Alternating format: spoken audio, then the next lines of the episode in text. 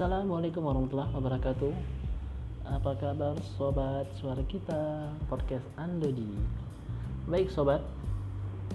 Pada episode pertama ini di segmen kita sehat uh, Ada beberapa hal yang uh, akan saya sampaikan ke ruang dengar sobat sekalian.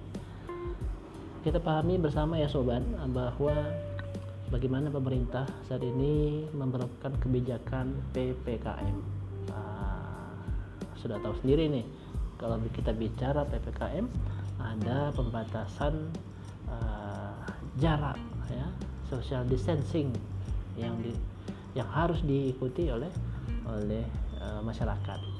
Jadi dengan adanya kebijakan ini, bagaimana sobat-sobat sekalian yang memiliki pekerjaan sudah tentu uh, melakukan pekerjaannya di di rumah yang kita kenal dengan work from home.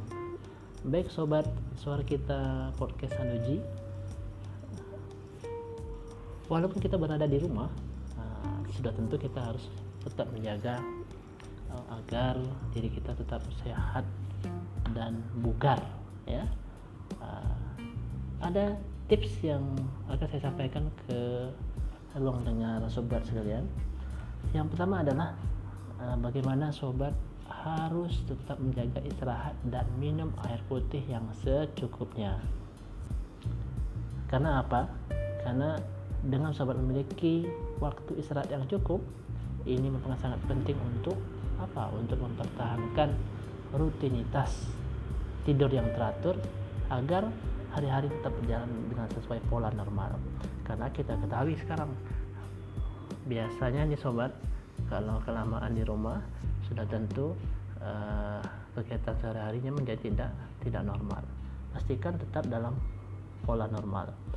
Nah, dan juga sobat pastikan sobat tidak bergadang. Karena ini dapat berakibat buruk pada kesehatan sobat. Selain itu juga istirahat, pastikan diri sobat menghindari namanya dehidrasi ya, kekurangan cairan nah, dengan cara konsumsi air putih secara teratur dalam jumlah yang cukup. Itu dia tips pertama agar tetap sehat dan bugar di rumah selama pandemi COVID-19. Tips yang kedua adalah makan sehat dan konsumsi vitamin. Ini juga termasuk penting ya sobat. Banyak yang mengatakan bahwa Eh, tinggal di rumah selama pandemi COVID-19 itu adalah momen baik bagi tubuh-tubuh untuk memperoleh gizi seimbang. Nah, makanya kita harus mengatur menu makanan, sobat, ya agar tetap memenuhi unsur-unsur zat gizi yang lengkap dalam jumlah yang sesuai. Ini ada beberapa uh, kaidah gizi yang seimbang. Uh, kalau kita makan nih, uh, kita ambilkan uh, makanan ke piring ini, pastikan setengah porsi piring makan sobat itu berupa sayur dan buah-buah beraneka jenis dan warna nah, itu setengah porsi. Seperempat porsi piring sobat itu harus diisi protein baik hewani ataupun nabati. Kalau hewani sendiri nah, sobat tahu ya kayak telur ikan daging. Nah, sedangkan protein nabati ya seperti kacang-kacangan. Seperempat seperempat porsi piring laginya diisi dengan karbohidrat kompleks seperti beras atau biji-bijian. Jadi, sobat sekalian, lengkapi dengan minyak sehat seperti zaitun, kedelai, jagung, dan canola. Nah, ini dia tips yang kedua, bagaimana untuk dapat mengatur menu makanan sobat menjadi makanan sehat dan konsumsi vitamin next sobat bagaimana kita menjaga higienis hmm, menjaga higienitas. Walaupun kita berada di rumah ya, dengan waktu yang cukup lama sobat harus tetap memprioritaskan kebersihan diri dan lingkungan sekitar. Uh, ya, biasa uh, seperti 3M 5M mencuci tangan dengan sabun ya. Habis itu air mengalir sama 20 detik secara berkala. Ah, dan kebersihan rumah juga artinya agak sobat. Bersihkan tempat-tempat yang mungkin kuman bersarang. Seperti apa? Seperti sela-sela lemari belakang hiasan dinding bagian dalam gorden ya. bagi anda yang memiliki area bekerja di rumah jaga kebersihan lingkungan kerja seperti meja dan laptop secara berkala. Karena dengan kita menjaga higienitas uh, kita juga mampu menjaga uh, harus mampu menjaga kesehatan mental. Nah, ini penting juga. Kenapa menjaga kesehatan mental agar tetap dapat tenang dan selalu berpikir positif agar imun tubuh sobat tidak menurun. Karena apa? karena dengan mengalami kondisi yang pandemi covid ini bagaimana kita selalu harus berpikir positif agar imun kita terjaga. Oke sobat sekalian terima kasih sudah mendengarkan suara kita podcast Sandogi kita ketemu lagi di episode selanjutnya di segmen-segmen yang menarik ya untuk kalian dengarkan. Dadah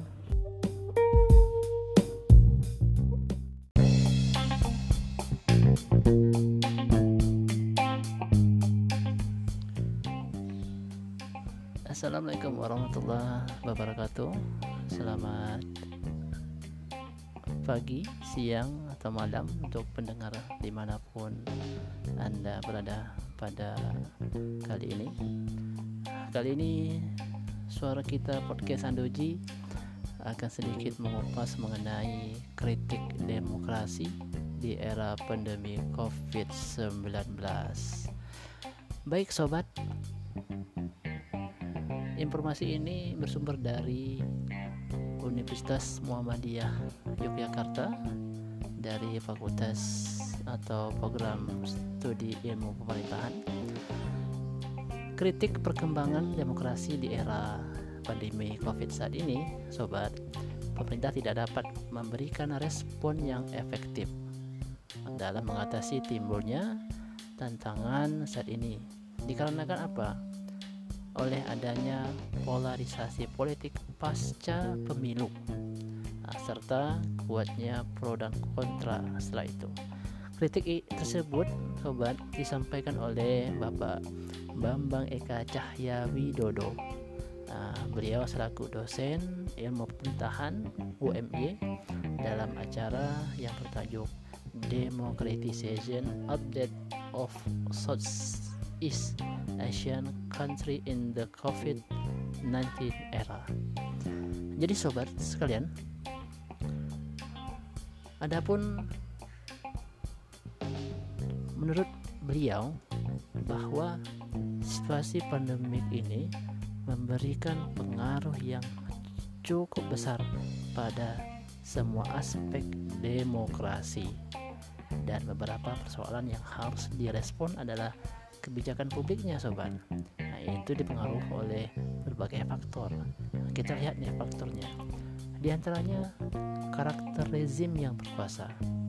Yang kedua faktor partisipasi masyarakat. Ketiga perkembangan lembaga-lembaga demokrasi. Selanjutnya media massa dan ruang publik. Kehadiran civil society yang bermakna dan budaya politik. Ada beberapa faktor yang telah uh, saya sampaikan barusan.